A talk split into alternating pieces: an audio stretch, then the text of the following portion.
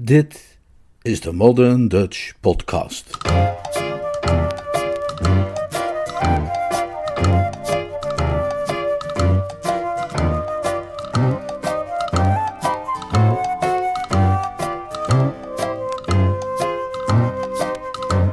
Jill the Musical.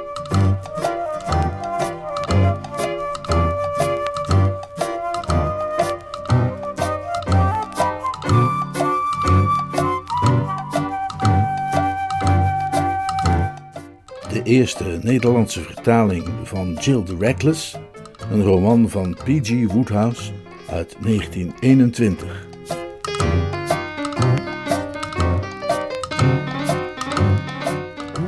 Vertaald en voorgelezen door Leonard Beuger.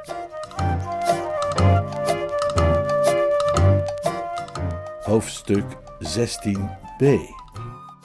Mr. Goebel speelt met het lot. Mr. Goebel, met zijn derbyhoed op zijn achterhoofd en een onaangestoken sigaar in zijn mondhoek, stond nauwlettend toe te kijken hoe het decor werd opgebouwd voor het eerste bedrijf toen Jill hem vond. Hij stond met zijn rug naar het brandgordijn en bestudeerde fronsend een blauw doek dat zo'n schilderachtige zomerlucht moest voorstellen als je op mooie dagen langs de kust van Long Island tegenkomt. Jill, die achterlangs het toneel opkwam vanaf de trap naar de kleedkamer, liep dwars door zijn blikveld. Ga uit mijn licht! bulderde Mr. Goebel, een man die altijd voor een rechtstreekse benadering koos. God voor u! voegde hij er voor de goede orde nog aan toe. Ga alsjeblieft even opzij, vertaalde de regisseur. Mr. Goebel is het decor aan het bekijken. De toneelmeester, die er ook bij stond, zei niets. Toneelmeesters zeggen nooit iets.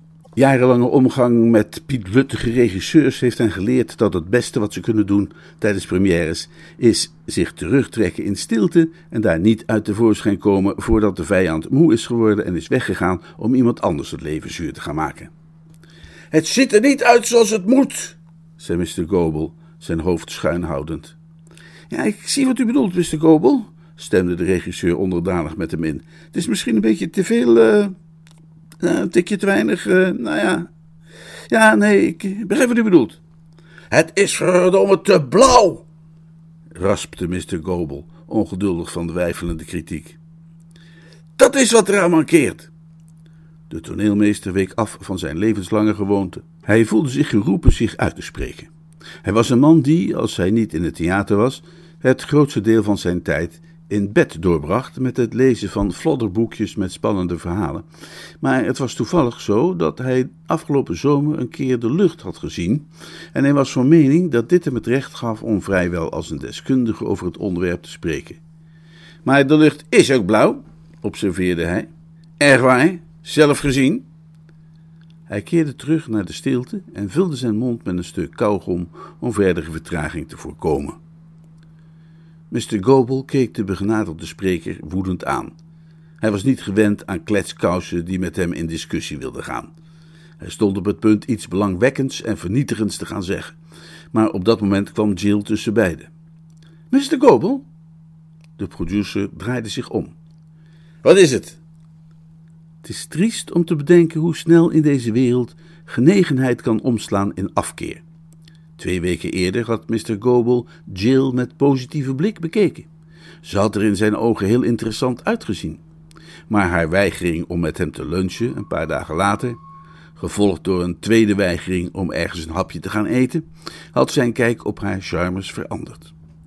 Als het aan hem was overgelaten, zoals de meeste dingen in dit theater, om te beslissen welk van de dertien meisjes moest worden ontslagen, zou hij ongetwijfeld voor Jill hebben gekozen.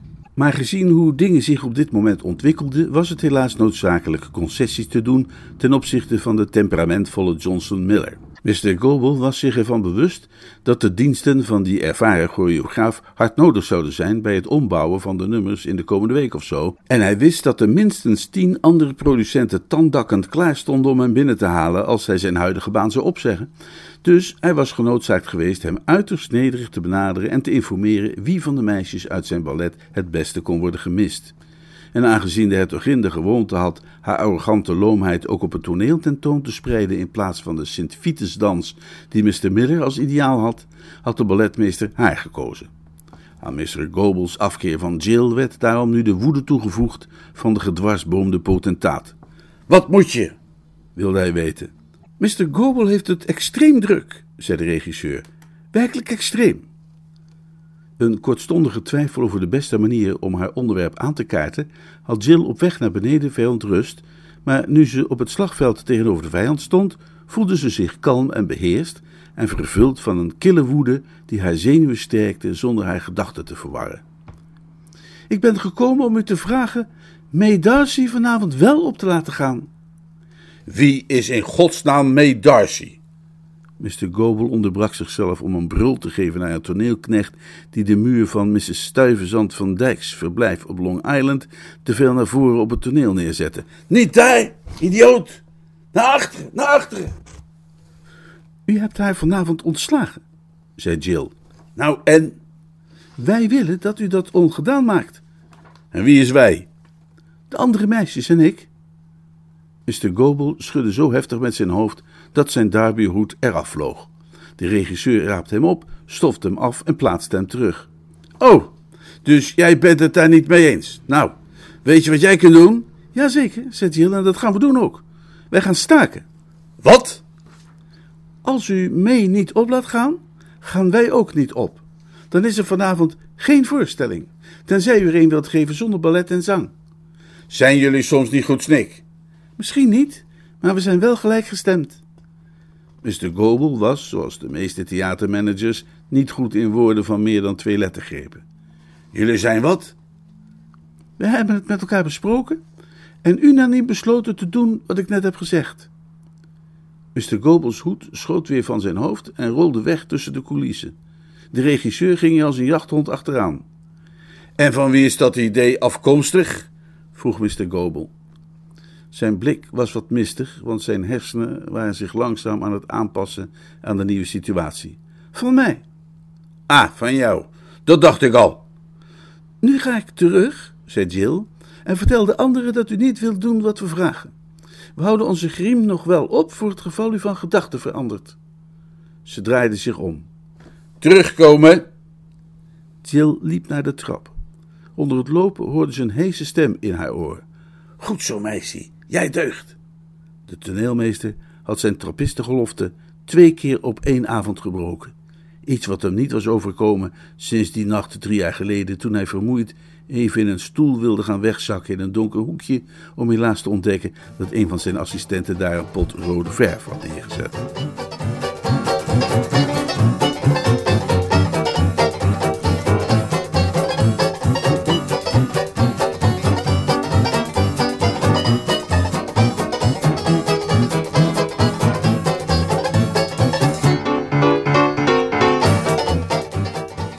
Mr. Goebel raasde nog na als een soldaat vol barse vloeken toen Johnson Miller hem zag staan. De choreograaf was altijd nerveus bij premières en tijdens het voorgaande gesprek had hij over het toneel rondgefladderd als een witte donsvlinder. Zijn doofheid had hem evenwel in volledige onwetendheid gehouden van het feit dat er iets onaangenaams aan de hand was en hij kwam op Mr. Goebel af met zijn horloge in zijn hand. Acht uur vierentwintig, merkte hij op. Tijd dat die meiden klaar stonden. Mr. Goebel, blij met een concreet doelwit voor zijn toorn, vervloekte hem in ongeveer 250 beeldende en welgekozen woorden. Hè?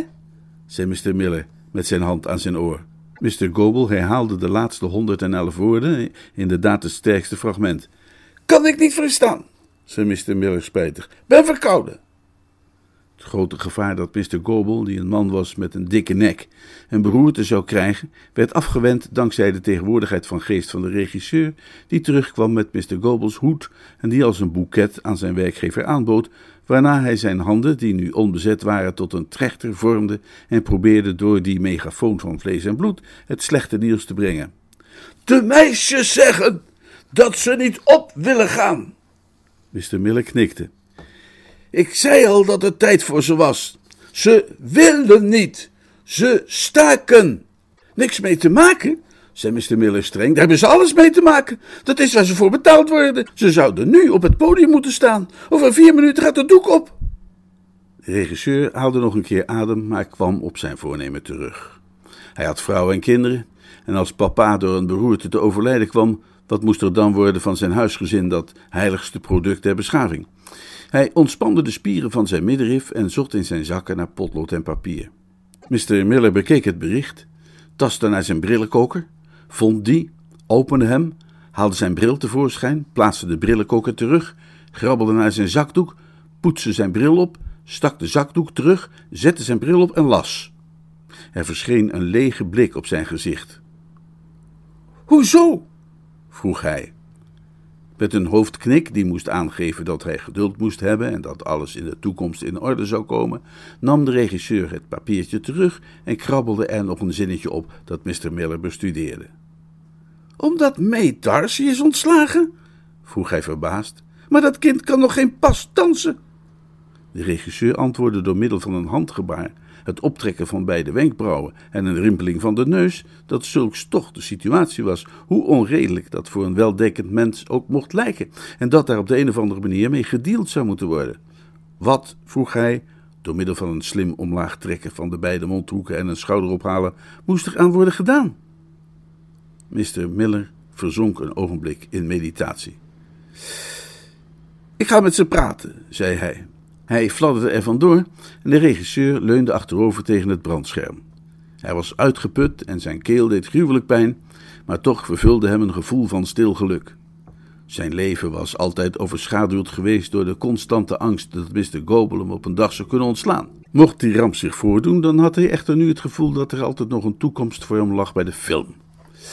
Nauwelijks was Mr. Miller verdwenen op zijn vredesmissie, of er klonk een geluid als van een kip die door een meidoornhaag wordt gejaagd, en Mr. Salzburg, zwaaiend met zijn stokje alsof hij een onzichtbaar orkest dirigeerde, kwam van achterin links opgewonden het decor instormen. Nadat hij zijn muzikanten twee keer de ouverture had laten spelen, had hij tien minuten in stilte zitten wachten tot het gordijn omhoog zou gaan. Ten slotte was zijn emotionele persoonlijkheid bezweken onder de spanning, had hij de bok verlaten en was vanuit de orkestbak onder het podium doorgedoken om vast te stellen wat de vertraging veroorzaakte. Wat is er? Wat is er? Wat is er? Wat is er? vroeg Mr. Salzburg. Ik wacht en wacht en wacht en wacht. Wij kunnen de overtoren niet nog een keer spelen. Wat is er? Wat is er gebeurd? Mr. Goble, die gekwelde ziel, had zich teruggetrokken tussen de coulissen, waar hij op en neer schreed met zijn handen op zijn rug en op zijn sigaar kauwde. De regisseur zette zich schrap voor opnieuw een rondje uitleg. De meisjes staken. Mr. Salzburg knipperde met zijn ogen achter zijn bril. De meisjes? herhaalde hij wezenloos.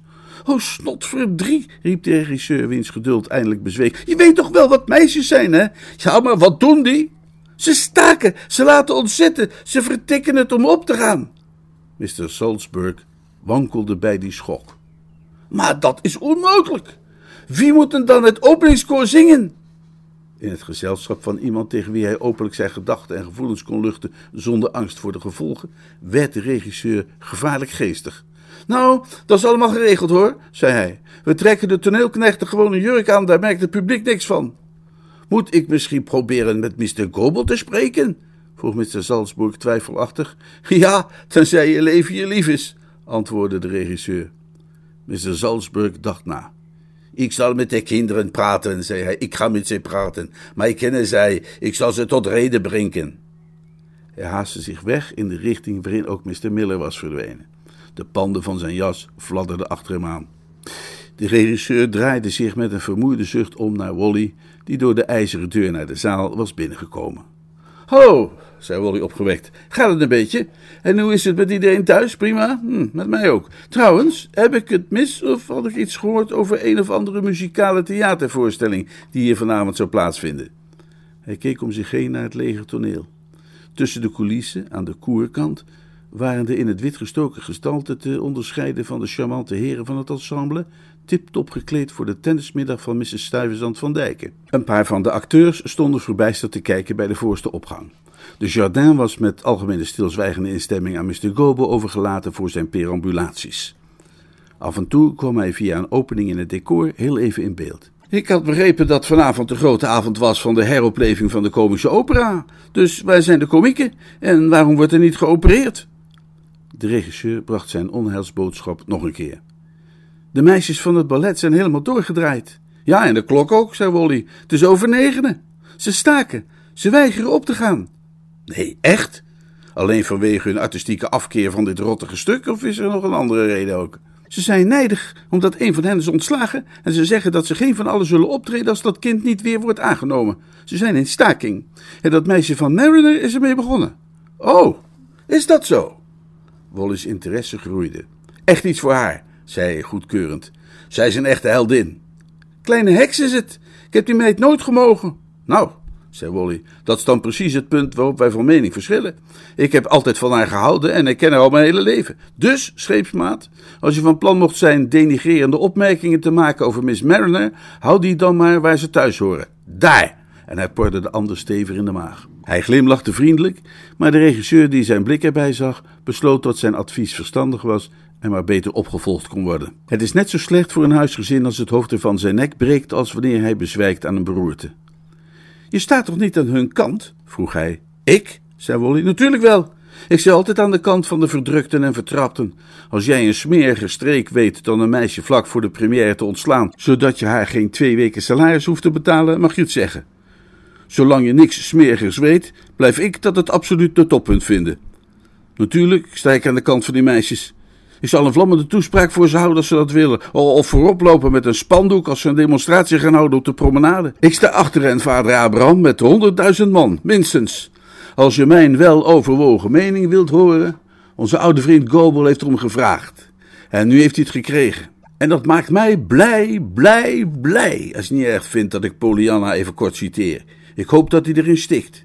Oh, je kunt maar beter zorgen dat hij je niet zo hoort praten. Au contraire, zoals wij in Le Gay Paris zeggen. Ik ga er juist wel voor zorgen dat hij me hoort praten. Corrigeer de indruk dat ik bang zou zijn voor welke gobel in glanzend harnas dan ook, want dat ben ik niet. Ik ben van plan om hem precies te zeggen wat mij op het hart ligt. Ik zal de leeuw bij zijn baard grijpen, als David. Nou ja, bij zijn gladgeschoren kin dan. Dat gaat net zo goed. Doch, zwijg. Wie nadert ginds? Zeg mij, ziet gij hetzelfde als ik? Als de voorhoede van een verslagen leger kwam Mr. Salzburg neerslachtig terug het podium op. En? vroeg de regisseur. Zij wilden niet naar mij luisteren, zei Mr. Salzburg. En hoe meer ik zei, hoe minder ze luisterden. Hij huiverde bij de pijnlijke herinnering eraan. Miss Trevor pakte me mijn dirigeerstokje af en toen gingen ze allemaal in het gelid staan en zongen het volkslied. Toch niet met tekst en al? Riep Wally ongelovig. Je gaat me toch niet vertellen dat ze de tekst kenden?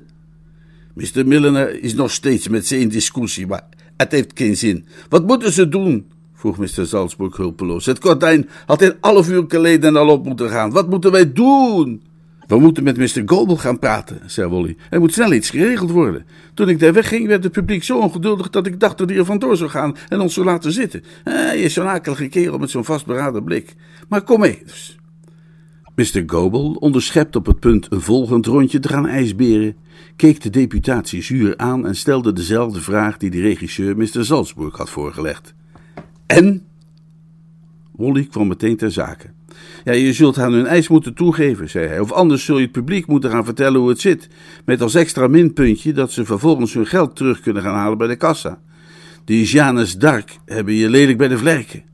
Ik ga niet toegeven. Dan wordt het uitgegeven zei Wally. Wandel maar even mee om het publiek te vertellen dat ze hun 4,50 dollar of wat het is kunnen terugkrijgen. Mr. Goebel kauwde op zijn sigaar. Ah. Ik zit al 15 jaar in de theaterbusiness. Ja, ik weet het. En zoiets als dit heb je nog nooit meegemaakt. Maar zo doet een mens nieuwe ervaringen op. Mr. Goebel bewoog zijn sigaar fel omhoog vanuit de mondhoek en keek Wally woedend aan. Iets zei hem dat Wally's sympathie niet geheel en al naar hem uitging. Dit soort dingen kunnen ze mij niet flikken, gromde hij. Nou, ze flikken het in elk geval iemand, zei Wally. En als jij het niet bent, wie dan wel? Ik heb verdomd veel zin om ze allemaal te ontslaan. Een ijzersterk idee. Daar kan ik niks verkeerds aan ontdekken, behalve dan dat de hele productie nog eens vijf weken langer gaat duren, waardoor je natuurlijk ook je boekingen kwijtraakt en je de huur van dit theater deze week voor niks hebt uitgegeven. Alle kleding zou moeten worden aangepast en al je spelers zouden opstappen en andere klussen aannemen. Afgezien van die paar kleinigheden lijkt me het een hele slimme zet. Jij, jij, jij praat verdomd veel, zei Mr. Goble en keek hem met afschuw aan. Nou ja, zeg dan zelf eens wat, hè? Iets zinnigs. Het is een heel ernstige situatie, begon de regisseur. Oh, houd toch je mond, zei Mr. Goble. De regisseur trok zich diep in zijn kraag terug. Ik kan de ouverture niet nog een keer spelen, protesteerde Mr. Salzburg. Echt niet. Op dat moment verscheen Mr. Miller. Hij was blij Mr. Goebel te zien. Hij was naar hem op zoek geweest, want hij had nieuws te melden. De meisjes, zei Mr. Miller, zijn in staking. Ze willen niet optreden. Met het wanhopige gebaar van iemand die de ontoereikendheid van de taal beseft, herhaalde Mr. Goebel zijn favoriete loopje over het toneel. Wally haalde zijn horloge tevoorschijn. Zes seconden plus nog wat, zei hij goedkeurend toen de producent terugkwam. Een hele goede tijd. Ik zou je graag eens willen timen over dat parcours in hardloopuitrusting. De bedenktijd, hoe kort die ook was geweest, had Mr. Goebel kennelijk in staat gesteld tot een besluit te komen. Ga tegen ze zeggen, zei hij tegen de regisseur, dat die halve gare meid van Darcy kan optreden. Dat gordijn moet op. Ja, Mr. Goebel. De regisseur verdween in galop. Ga terug naar je plek, zei de producent tegen Mr. Salzburg, en speel de overture nog een keer. Alweer? Misschien hebben ze de eerste twee keer niet gehoord, zei Wally. Mr. Goebel keek Mr. Salzburg van het toneel af. Toen wendde hij zich tot Wally. Die verdomde meid van Mariner zat hier volledig achter. Zij heeft dit aangekaart. Dat heeft ze mezelf verteld. Nou, ik zal haar krijgen. Die vliegt er morgen uit. Wacht even, zei Wally. Wacht even. Dat mag jij dan een goed idee vinden, maar dat gaat niet door. Wat voor de duivel gaat jou dat aan? Alleen maar dat als jij Miss Mariner ontslaat, ik dat fantastische nieuwe script dat ik heb klaar liggen in duizend kleine stukjes ga scheuren. Of 900, hoe dan ook, verscheurd wordt het. Miss Mariner staat in de première in New York, of anders pak ik mijn boeltje en ben ik weg. De groene ogen van Mr. Goebel schoten vuur. Ah, jij hebt natuurlijk iets met haar, snierde hij. Ik begrijp het. Luister, vriendelijke vriend, zei Wally terwijl hij de arm van de manager vastgreep. Ik merk dat je op het punt staat een persoonlijk element te introduceren in ons gezellige praatje. Weersta die impuls. Waarom laat je je ruggengraat niet rustig blijven waar die is, in plaats van hem door je hoed op hoog geschopt te krijgen? Hè? Hou het bij waar het om gaat. Staat Miss Mariner in onze voorstelling in New York of niet? Er viel een gespannen stilte. Mr. Goebel vergunde zichzelf een snelle herziening van zijn standpunt. Hij had Wally liefst van alles willen aandoen om te beginnen met theater uitgebonjourd, maar bedachtzaam beleid weerhield hem. Hij had Wally's werk nodig. Hij kon Wally zakelijk gezien niet missen. En in het theater gaan zaken nu eenmaal boven persoonlijke gevoelens. Ah, Oké, gromde hij met tegenzin. Dat noemen wij een belofte, zei Wally. En ik zal ervoor zorgen dat je die houdt. Hij keek over zijn schouder. Het speelvlak was inmiddels gevuld met vrolijk gekleurde jurken. De muiters waren weer aan het werk. Nou, dan ga ik er maar eens vandoor. Het spijt me dat we hebben afgesproken om persoonlijkheden buiten de conversatie te houden. Want ik had graag willen zeggen dat als ze ooit een stinkdierenshow houden in Madison Square Garden, je vooral mee moet doen. Dan win je gegarandeerd de blauwe lint. Maar door die afspraak zijn mijn lippen uiteraard verzegeld en ik kan er niet eens naar verwijzen. Tot ziens, ik zie je nog wel, neem ik aan. Mr. Goebel, in de verdienstelijke imitatie van een levend standbeeld, werd uit zijn gepeinzen opgeschrikt door een hand die op zijn arm werd gelegd. Het was Mr. Miller, wiens ongelukkige aandoening het hem onmogelijk had gemaakt het gesprek te volgen. Wat zei hij? vroeg Mr. Miller geïnteresseerd. Ik heb niet gehoord wat hij zei. Mr. Goebel deed geen enkele poging hem op de hoogte te stellen.